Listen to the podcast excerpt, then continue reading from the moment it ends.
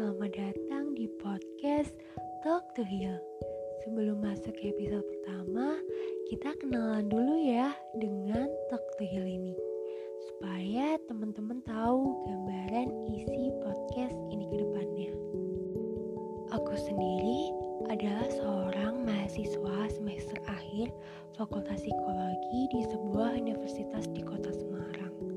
Selain karena aku kuliah di psikologi, aku memang concern dan suka dengan topik-topik kesehatan mental. Mungkin teman-teman udah banyak nemuin platform atau akun yang membahas kesehatan mental baik itu di Instagram, YouTube, website, maupun di podcast. Nah, aku berharapnya podcast ini berbeda dengan yang lainnya karena punya tujuan atau purpose yaitu di kata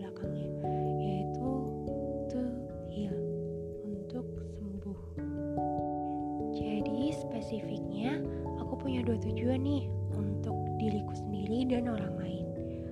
Aku yang memang lebih sering self talk daripada cerita ke orang rasanya lebih baik untuk mulai membagikan apa yang aku rasakan dan apa yang aku pikirkan sebagai media healing ditambah ingin memberi psikoedukasi nah yang kedua untuk orang yang mendengarkan podcast ini kita semua pasti pernah atau saat ini bahkan sedang menghadapi masa-masa sulit. Mengalami tekanan merasa cemas takut bingung atau merasakan emosi negatif lainnya. Tenang kamu tidak sendirian.